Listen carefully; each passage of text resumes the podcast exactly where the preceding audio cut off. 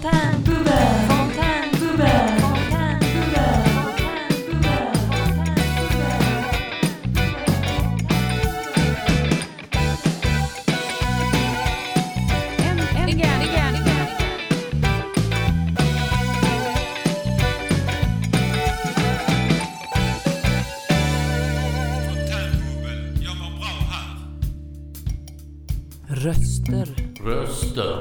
Röster.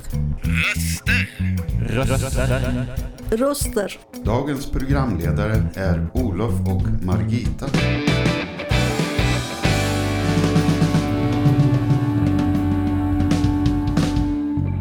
Dina röster i vardagen. Hej! Hej och välkomna till dagens fontänbubbel. Idag är det alltså den första februari och solen skiner. Eh, och det är också första torsdagen den här månaden, vilket betyder att det är andra delen i, i vår, eh, Fontänhusets egen serie Förundransprojektet, där vi pratar om andlighet, förundran och närliggande frågor. Eh, och som sagt, programledare idag det är jag, Olof och... Och eh, jag, Margita. Japp. Eh, tack så mycket. Hur är det med dig idag? Det är bra, det var, kul gott? att, det var kul att du sa att solen skiner. För Ja. att det har vi alltid längtat efter. Hoppas det torkar upp allt vatten som finns Ja. vid alla bäckar och åar och sjöar. ja. För att torka upp det som kom i natt så... Bland annat. Men eh, ja, idag så har vi... Kommer vi ha... Ha en representant från, kan säga, den andliga världen som vi ska diskutera några av livets djupa frågor med. Eh, men vi återkommer eh, så efter eh, vi har lagt på den första låten för, för, för det här programmet. Ja, då har vi lyssnat till Cruel Summer av Taylor Swift som har otroligt många lyssnare. Och så ska vi titta lite, vi sa att vi var, det här var ett projekt och det är del två idag. Eh, och Lund fontänhus ingår i ett eh, projekt eh, där man ska titta på njutning i stunden som kan ge välmående i längden med projekt Förundrans i Lundaland. Och där jobbar man då, det är ett projekt som är finansierat då av eh, EUs jordbruksfond och vidare så att det är lite fokus på eh, vad förundran, existentiell hälsa, vara ute i naturen kan betyda för alla men också för eh, oss som har haft erfarenhet av psykisk ohälsa. Och då pratade vi lite om det förra gången och hade väldigt många olika vinklar både på Världshälsoorganisationens definitioner på hälsa eh, och också försöker klura ut det här begreppet förundran. Eh, så det finns många infallsvinklar och idag vill vi då också titta vidare. Mm. Jo, precis. Och eh, i samband med det här eh, i- med det här projektet och det programmet, programserien vi har, här så har vi också att vi bjuder in eh, gäster som representerar eh, den här typen av frågeställningar. Och eh, idag så har vi eh, med oss Mika Stjärnglinder, eh, som är före detta sjukhuspräst och eh, nu verksam inom inom häktet, alltså i sin, i rollen av präst, alltså han är, han är ingen kriminalvårdare eller något sånt. Eh, det så låter dramatiskt häktet, men eh, han i alla fall eh, tar med, tar med sig sitt, sitt prästkall in på, in, inom kriminalvården. Ja, in, innan, vi, innan vi bjuder upp honom så kan jag följa en liten, väldigt ytlig presentation och det är att han är, han ser sig själv som technoprelle. Alltså fin, och, fi, och, fi- och finner, eh, finner Gud genom technofester. Det, det framkom i en artikel där han tidigare hade varit, som handlade om eh, hur han hjälpte personal som annars riskerade att bränna ut sig under pandemin. Men vi lägger på en låt och så bjuder vi upp, eh, och här är det en, av, en låt som han själv har önskat. Du lyssnar på eh, Fontänbubbel och det vi precis hörde var The, The Leftover med Lovely Dear. Lonely there. Okej, Lonely. Eh, jag vet inte, jag trodde att det skulle vara en techno, jag tyckte det här, här lät, som, lät som väldigt standard syntpop. är det en technolåt? Alltså jag vill inte skrämma iväg folk med en gång. Jag Mhm. har mycket annat jag kan bjuda på också, men inte just idag kanske. men säg till mig efteråt så kan jag tipsa om väldigt bra, väldigt bra saker. Okej. Ja. Vi ska passa på att hälsa dig välkommen Ja. dit också. Tack, tack. Välkommen Mikael Känns jättefint att få vara här. Ja, eh, som sagt, jag hittade den artikeln då som handlade om att du, du stöttade personal inom sjukvården som, eh, som kände sig otillräckliga under covid, att de höll på att bränna ut sig. Ja. Ehm, och det var typ augusti 2021. Mm. Och eh, då tog du upp det här att du, du finner Gud genom att gå på technofester bland annat och liknande. Bland annat. Gud finns överallt, vet du. Ja. Ja. Du har varit präst i typ, det var väl bara typ, du är väl eh, 47 eller något sånt va? Ah, viktigt, inte riktigt än faktiskt. Det är väldigt 46. viktigt. Det är 46 säger jag. 46, Ja. Eh, ja. Men i alla fall, och du har bara varit präst i typ eh, 12 år av ditt liv. Ja. Men- Vad roligt att säger bara. Jag tycker det Ja, nej men, jättelänge. Men tack, det, det är bra, men det innebär- jo, jo men jag men- men att då innebär att du, du har ju ganska mycket bakgrundshistoria då. Ja. Ganska mycket, du hade ett ganska långt liv innan dess och Ja. därför så har jag lite frågor om, vad har du, din tidigare, liksom så här, din, din, eg, din, egen, din egna resa, liksom hur, hur kommer det sig att du ville syssla med det? Hur, hur hamnade du här? Vad formade dig? Vad ville du med ditt liv när du var yngre och varför valde du just den här linjen? Hur kom du i kontakt med alla de här, eh, de områdena som du nu... Alltså, jag, jag älskar att du tar de korta enkla frågorna först. Nej men eh, tack för frågan. Och det, jag ska försöka fatta mig kort, för det är en jättelång historia. Och vill man höra hela den historien så kan jag faktiskt tipsa om, det finns en, en podd, en annan podd, som heter Brott och blandat. Om man söker på det på Spotify, Brott och blandat, så finns det ett avsnitt med mig. Då hette jag Mikael Ögren. Jag har bytt namn sedan dess för att komplicera det ytterligare. Jaha. Men det finns, eh, det står om prästen Micke, två avsnitt. Som handlar om hela min historia och hur jag blev präst och, och, och hur jag sen brinner för det här med att arbeta med människor. Men om jag ska säga den korta versionen då. Ja, Mm. Mikael Stjernglinder, 46 år. Eh, varit präst i 12 år, hur det gick till. Men man kan väl säga så här, jag har gjort massa saker. Eh, jag kan börja med att säga att jag växte upp i ett strikt religiöst hem. Frikyrkligt, väldigt karismatiskt och väldigt eh, en fanatiskt hem kan man säga. Jag fick en väldigt negativ bild av, av, av tro och religion måste jag säga. Där, av, framförallt genom mina föräldrar då. Som gjorde att jag flyttade hemifrån när jag var, var väldigt ung. Eh, 16 år var jag, stod inte ut med att vara där och var helt ointresserad för deras bild av religion var och, och tro, det var, det var ingenting jag ville befatta mig med. Eh, så jag bröt med allt det. Under nästan 10 år, 8-9 år så var, var jag helt ointresserad. Jag började utbilda mig, gick med i gymnasiet på annan ort, började utbilda mig och, och hade en idé om att jobba som filmfotograf, jobba inom film och, och tv-branschen. Och började göra det också faktiskt. Men under, under de här åren så fanns det en väldig vilsenhet i mig. Och jag levde väl ett liv som var på många sätt skakigt och på många sätt präglat av mörker och, och förvirring. Um, jobbade utomlands också flera år. Ehm, och eh, men kom tillbaks till Sverige kände mig mer tom än någonsin. Jag liksom jobbade med film, det jag ville göra. Jag eh, hade en passion för att springa på technofester och dansa och musik och så, men samtidigt var jag också väldigt trasig på många sätt. Eh, så kom jag tillbaks till Sverige och det fortsätter rasa för mig. Så att jag vet att det finns säkert många här också som vet vad det kan innebära när, man, när saker, saker och ting rasar. Att känna sig trasig och att nå sin botten. Man kan säga att jag nådde min botten eh, i början på 2000-talet, 2001 faktiskt.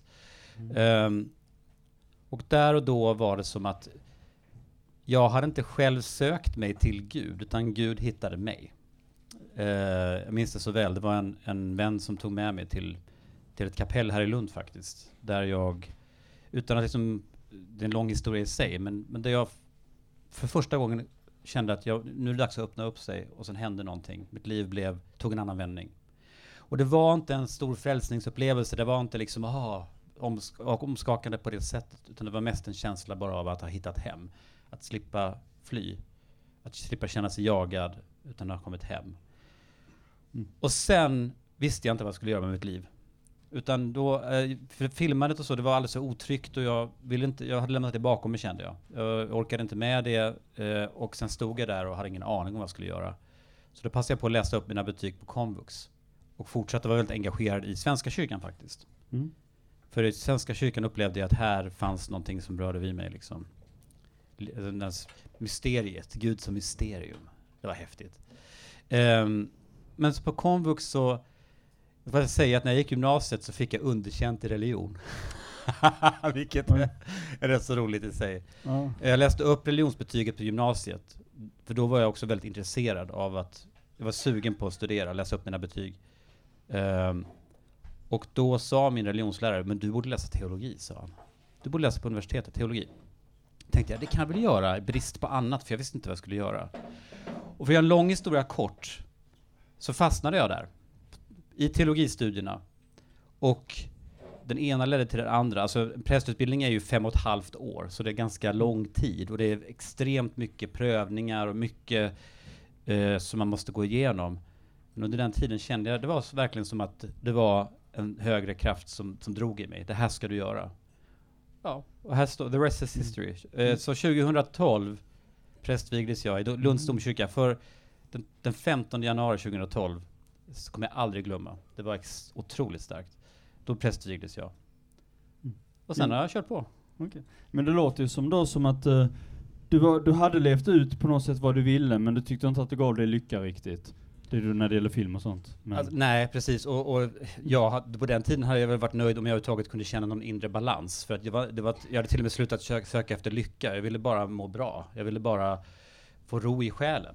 Alltså så att hade jag kunnat vara lycklig också hade ju det varit fantastiskt. Men det, jag vågade inte ens söka efter det, utan jag ville bara få lugn och ro. Och det fick jag till slut. Mm. Ja.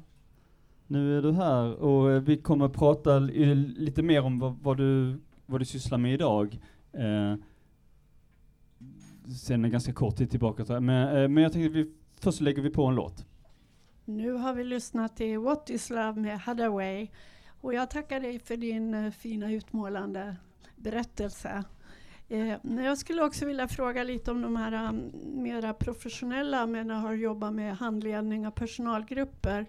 Eh, både då på chefsnivån inom sjukhuset, inom eh, psykiatrin på beroende beroendeenheten och du har även jobbat på neurointensiven. Hur tycker du att, och då med de här existentiella frågorna, har du något som du vill dela med dig av det? Ja, frågan är hur lång tid vi har.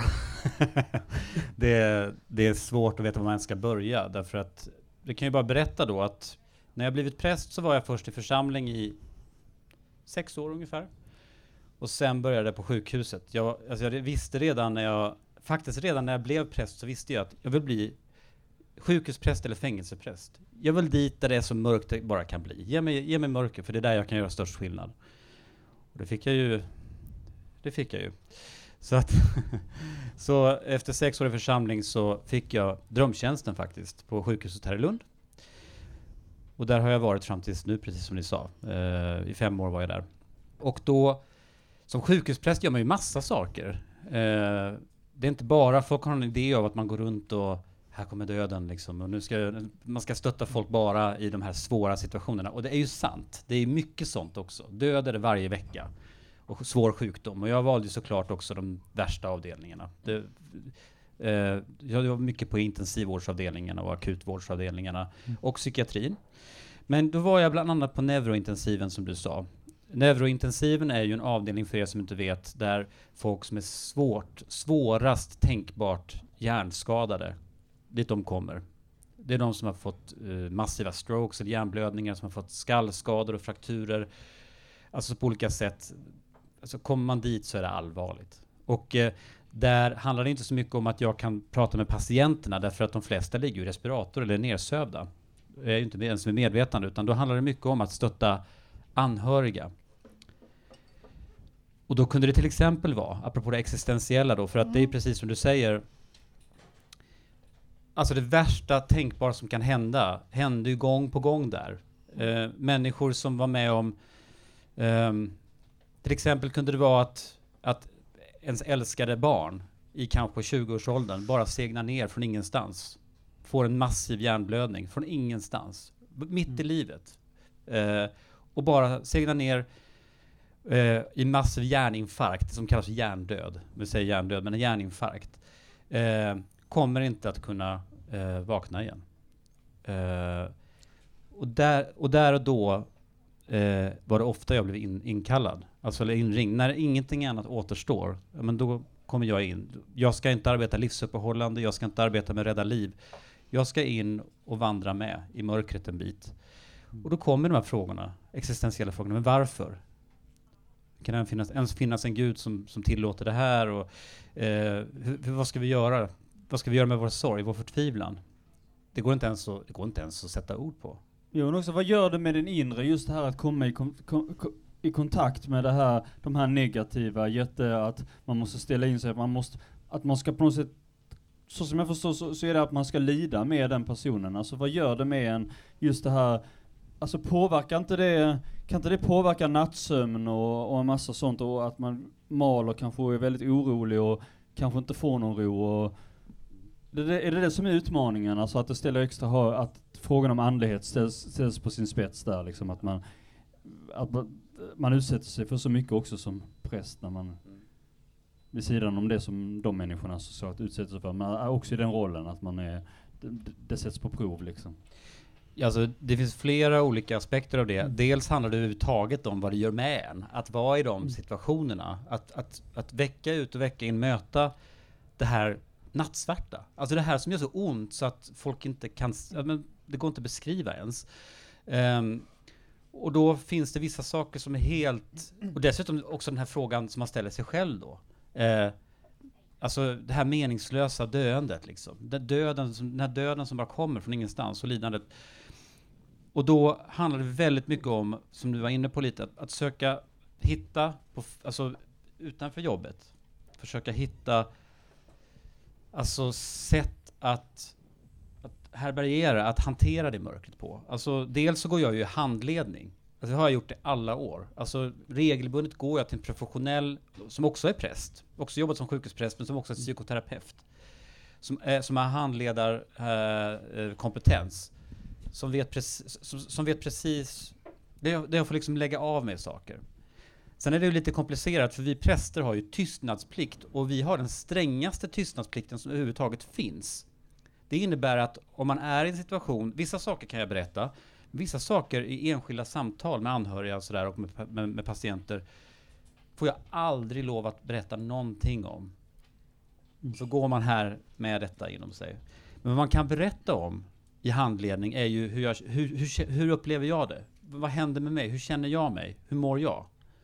Och sen handlar det också om att ventilera känslor. Jag menar, bland annat så på sjukhuset så döpte jag ju små bebisar som inte skulle klara sig på, på, på det som heter neo-IVA. Alltså det vill säga små nyfödda bebisar, döpa dem för att de förmodligen inte kommer klara sig. Ibland hade de redan hunnit avlida när jag kom. Och då kunde jag efter de där stunderna, när jag varit där med föräldrarna, så kunde jag gå till kontoret direkt och bara bryta ihop. Så bara låta den här hjärtskärande gråten bara få komma. Att inte hålla det inom mig liksom. Och sen en sak till som är väldigt viktig med att hantera de här, det här mörkret, det är att ha kul på fritiden. Alltså det vill säga att det här som existentiell hälsa handlar om, men vad älskar jag? Vad längtar jag efter? Vad vill jag göra? Jag, eh, jag har tusen saker jag älskar att göra. Eh, och de gör jag också. Eh, musiken, alltså umgänget, alltså människor. Passionen för olika saker i livet. Skapande, skapande, kreativitet. Eh, ja, det var lite av det som... det är väl eh, inte riktigt det man förknippar med präster. Präster ska väl inte ha, ska väl inte, ska väl inte festa, lo, festa loss kring, kring massa livlig musik. De ska väl sitta och vara allvarliga hela tiden och bara tänka på Guds elände. Nej men, eh, Jag har aldrig hört förr. Nej men eh, det är ju också rätt intressant. Alltså för mig så är ju tron alltså, extremt livsbejakande. Ja. Det finns en, en berättelse i Bibeln om eh, de bär upp en, det kallas för förbundsarken. De skulle bära upp en stor ark som var liksom till tempel. Och det står då hur den här kungen, han tog av sig alla kläder och dansade naken framför det där altaret, dans, eller den här eh, förbundsarken. Hela vägen upp till templet dansar han i extas inför Guds ansikte. Alltså min poäng är att Alltså, det finns inget mer livsbejakande än tro, än, än Guds tro alltså. Eh, vi har ju fått, som jag älskar att gå ut och dansa. Alltså gärna eh, många timmar. Alltså till väldigt eh, tung och, och, och, och, och snabb musik liksom. Eh, och jag känner mig aldrig så levande som då. Jag känner att vi har fått en gåva av Gud. Gåvan är ju liksom våra kroppar, att använda sig av dem. Alltså vår- att liksom att ta till oss. Musiken är ju ett redskap liksom. Så att eh, Eh, man får nog revidera bilden av hur en präst ska vara tror jag.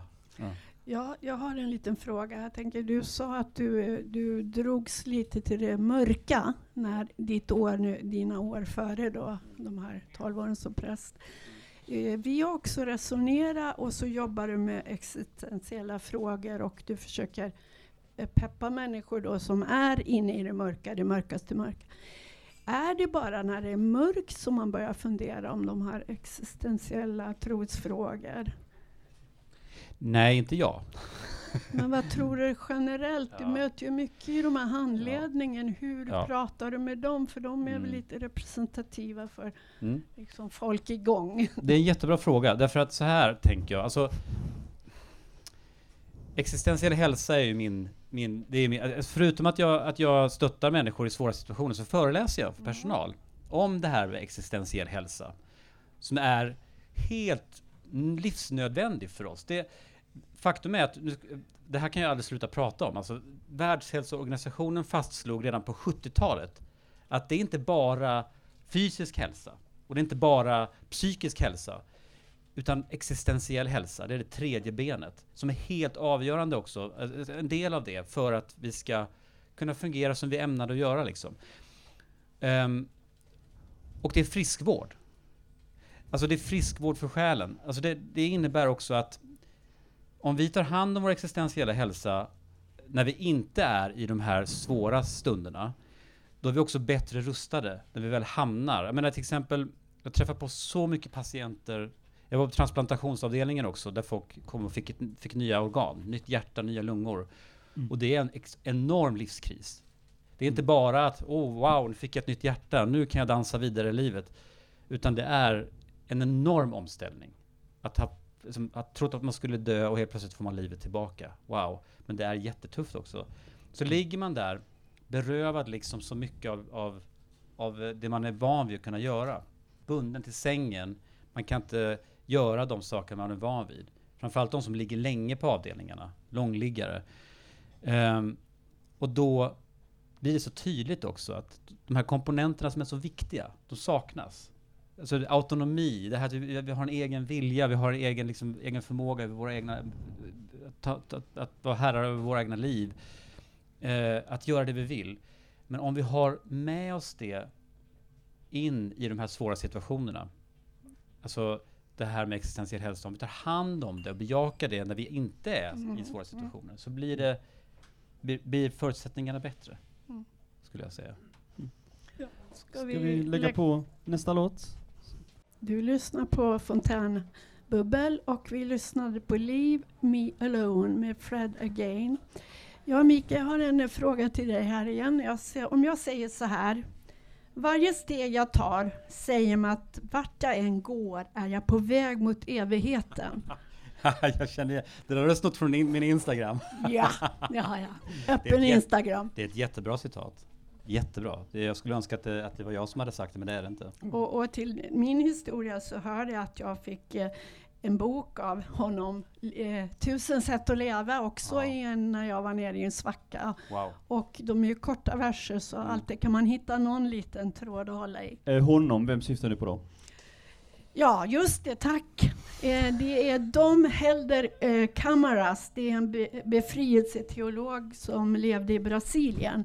Eh, förlåt att, vi inte, att jag inte gav helheten. Vi har ju någonting i, i Svenska kyrkan med att Alltså om, om, man, om, man, om man diskuterar just den här frågan om politik och andlighet, eh, när, när går det ihop? Liksom det, för, för- det finns ju någonting, eh, alltså kyrka och stat separerades ju för 20 år sedan. Men ändå så finns det gott om undersökningar att det var till exempel en i dagen, som dag, Dagens Arena presenterade, och sen var det någon, eh, och så var det någon och sen en, en annan artikel om, på, om for, forskning.se som handlar om att mycket är, mycket är ju medlemsvärvning i att, att många politiska frågor flyttar in och att man har kyrkoval och, och, att, och att det har eh, och att det avgör det avgör de politiska maktförhållandena i kyrkan, att även personer som inte är religiösa ändå måste ta ställning för att inte få in partier de inte vill ha.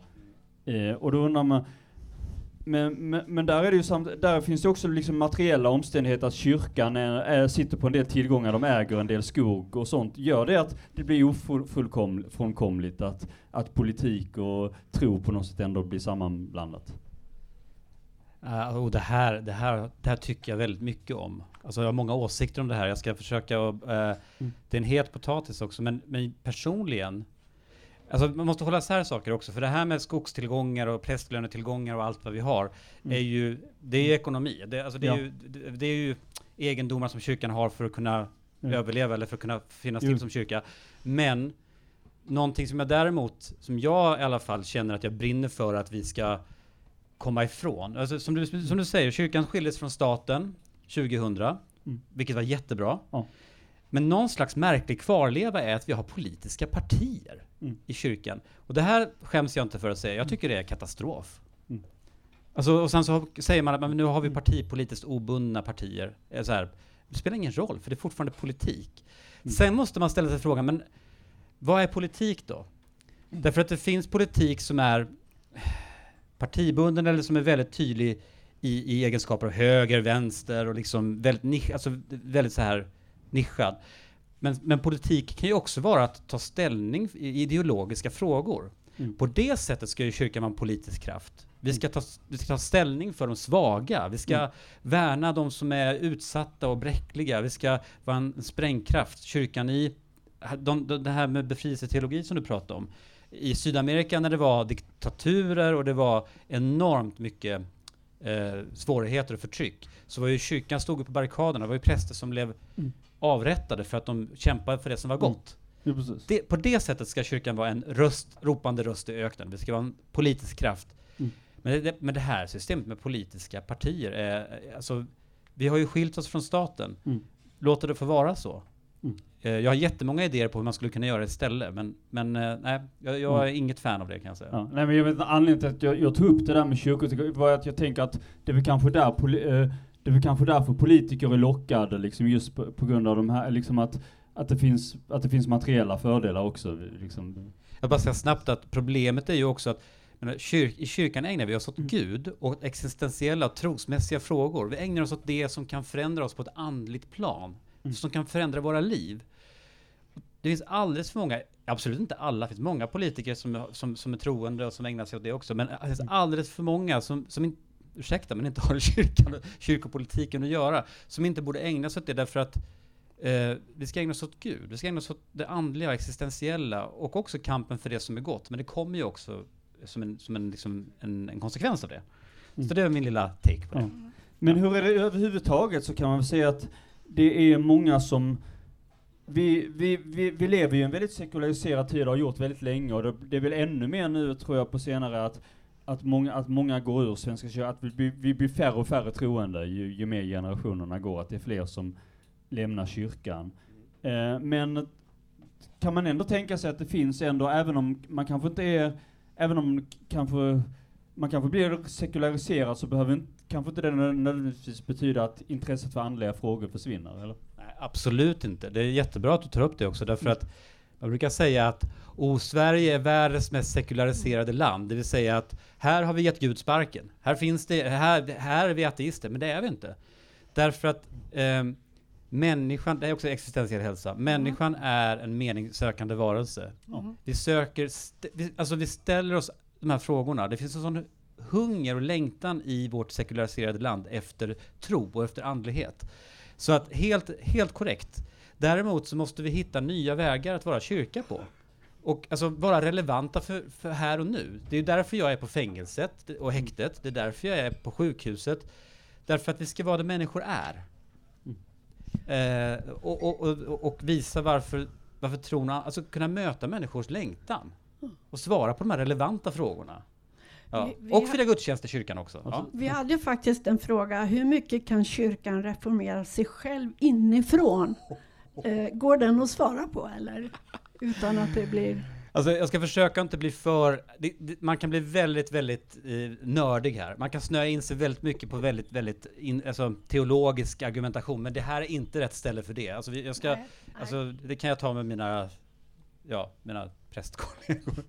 Nej men alltså, men, men reformation inifrån. Alltså det här är intressant därför att man pratar också om sekularisering inifrån. Det vill säga Mm. att vi som kyrka vill så gärna finnas med och hjälpa till och vara en god kraft i samhället. Men det är så viktigt att vi inte glömmer varför vi är kyrka också. Eh, därför att vi är inte som vilken eh, liksom välgörenhetsorganisation eller solidarisk organisation som helst.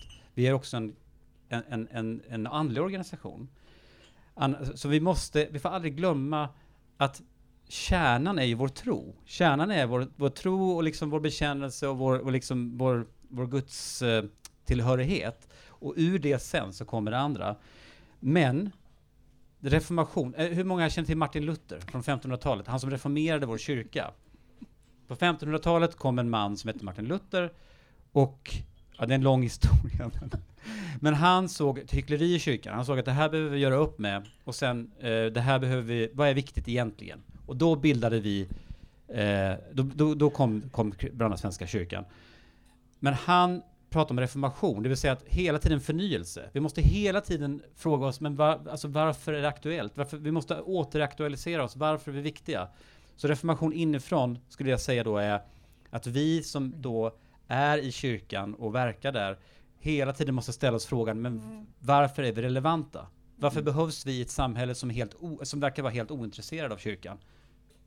Fast det är ju inte samhället, det märker ju jag. Mm. När jag kommer ut på Mm. fängelset, på sjukhuset, på psykiatrin, alla de här ställena så märker jag att wow, vilken längtan det finns. Vilken, vilken, vilka samtal jag har. Och också så mycket jag lär mig av andras andlighet. Men där är vi relevanta. Det är väl det som reformationen inifrån handlar om. Relevansen. Att hela tiden påminna oss om, men va, var ska vi vara någonstans? Ja, men när vi sitter och gör de här poddarna eller innan så har vi väldigt mycket invinklingar och vilka frågor ska vi ställa. Så det var okej att vi... Ja, det var jättebra. Eh, jag tänker, vi, eh, vi har ma- fler på programmet, det är personer som ska ko- komma upp, komma upp och ställa frågor också. Men, så jag tänker vi lägger på nästa låt och så välkomnar vi lite gäster. Du lyssnar på Fontänbubbel och det här vi precis hörde var Down to, the- Down to the River to Pray, en gammal låt med Alison Krauss. Eh, från en film, jag lärde jag mig precis av vår gäst här. eh, det var mer än vad jag visste. Men vi har en gäst här med oss. Eh, välkommen Roger. Ja, jag heter Roger. Eh, och jag heter också Mikael. Ja, Eh, och eh, jag har gjort en resa kan jag säga, börjar jag säga. Jag gick ur Svenska Statskyrkan när jag var 18 år.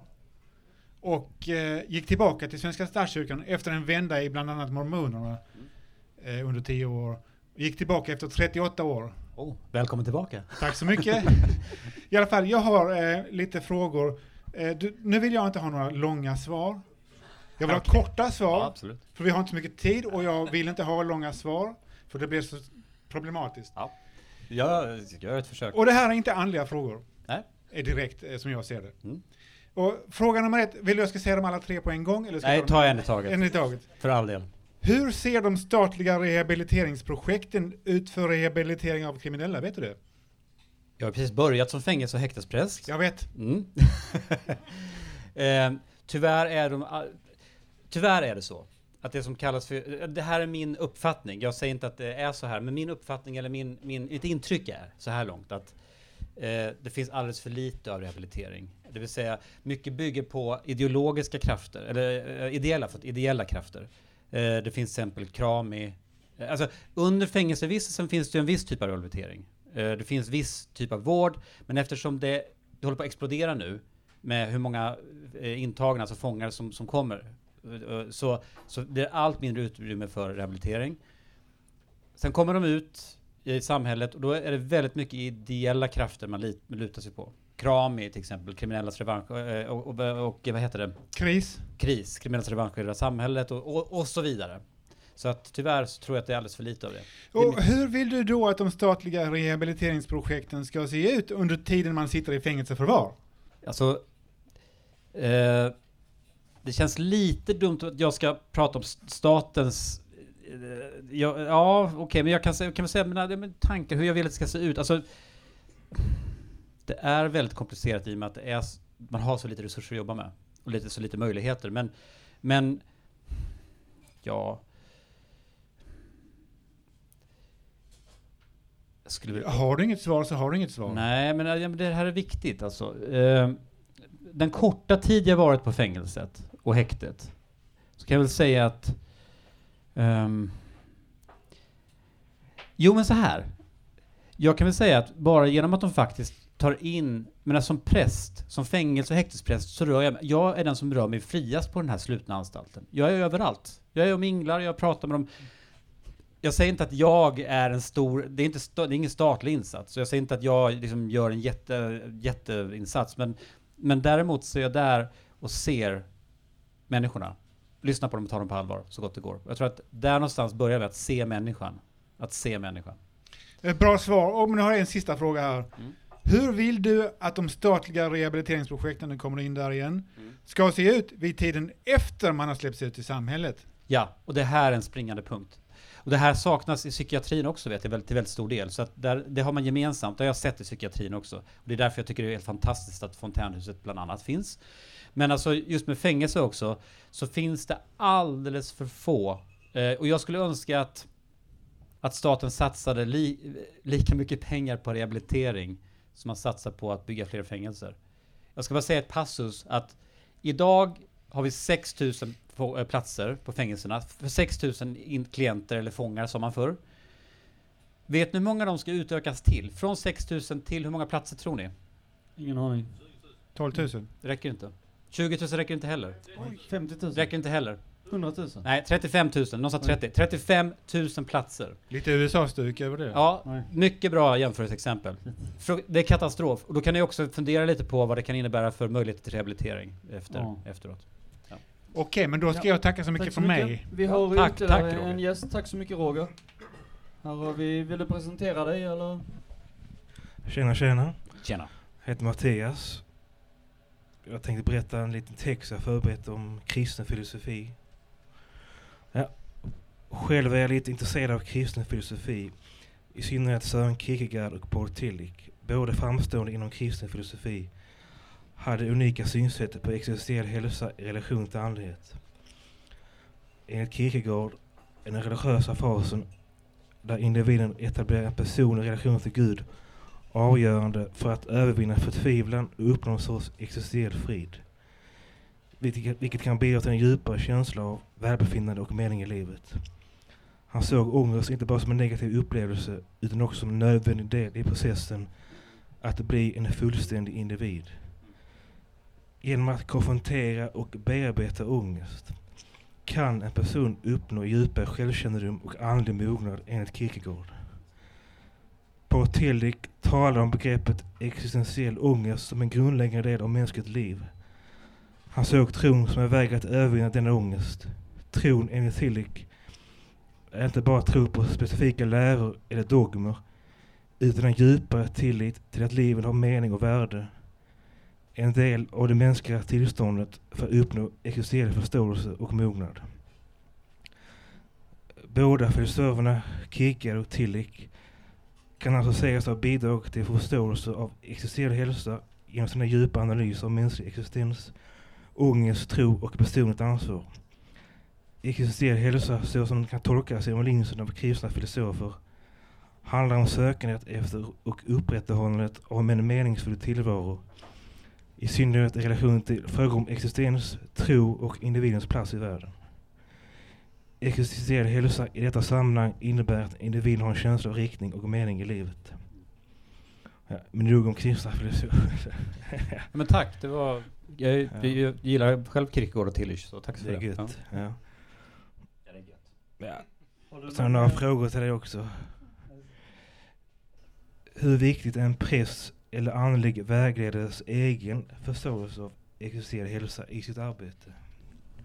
Jätteviktig. Mm. Du pratar lite om det, du hittade, Mm. hittade själv lite så.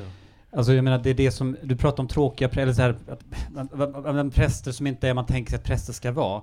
Mm. Och jag tror att anledningen till att man kan ha en bild av en präst som en deprimerande figur Ja. eh, har nog att göra med att man historiskt sett, och så kan det vara idag också, att, att man som präst eh, eh, inte förankrat i sitt eget liv. Alltså det, det är som ett jobb som vilket annat som helst, när det handlar om någonting som, som kan förändra liv, som också är en passion, som är en glöd. Mm. Alltså så att för mig är det existentiella välbefinnandet så helt avgörande för att jag sen ska kunna gå ut. Jag brukar säga så här, ni vet, om ni har flugit någon gång så vet ni vad flygvärdinnan säger när han går igenom säkerhetsinstruktionen. Om syrgasmaskerna fälls ner, vad ska man göra då? Exakt. Då ska man först ta på sig syrgasmasken själv innan man hjälper barnen. Och det kan ju låta superegoistiskt va? Stackars barn. Men så är det inte, därför att risken finns ju annars att man inte kommer kunna hjälpa barnet för att man själv ligger helt avsvimmad. Så det finns en positiv egoism där vi, vi måste börja i oss själva för att kunna hjälpa andra. Och där kommer min vård av mitt existentiella välbefinnande in. En andra fråga också. Ja.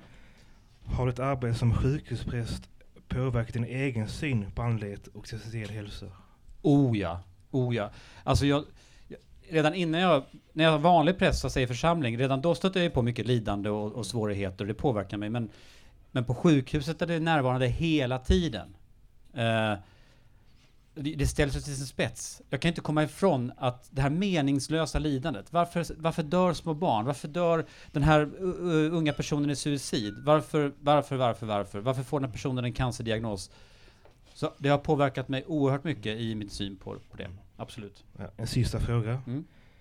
Hur hjälper du människor att hitta mening och syfte i sina liv, särskilt under svåra tider? Alltså förmedlar du det? Stor tragedi, liksom. hur Ja. förmedlar du liksom Hitta mening, så- hitta mening och syfte Just i det, ja. sitt liv? Hur gör man det på ett bra sätt? Jag ska säga så här. Mig- ställer en motfråga. När jag, när, jag, är- när jag är i samtal med människor, för det är ju det jag gör, pratar med människor. Hur många procent tror det handlar om att, att jag pratar? Hur många procent tror du är, är lyssnande? Så fråga. Någon som vågar gissa? 80 lyssnar. Det räcker inte. 100 000. 110 procent. Nej, nej, men eh, jag skulle säga att det är svårt att säga. Ibland så pratar jag mer, ibland mindre. Men 90 procent skulle jag säga lyssnade. 10 procent är att jag speglar tillbaka, att jag säger vad jag hör personen säga, ställer frågor. Och det, där händer någonting. Mm. Alltså därför att jag tror att vi har, alltså att vara präst handlar om att vara bemyndigande. Det vill säga att, men du har svaret här inne. Alltså någonstans så, så, så det vi kallar Gud, den kraften finns redan och verkar i dig.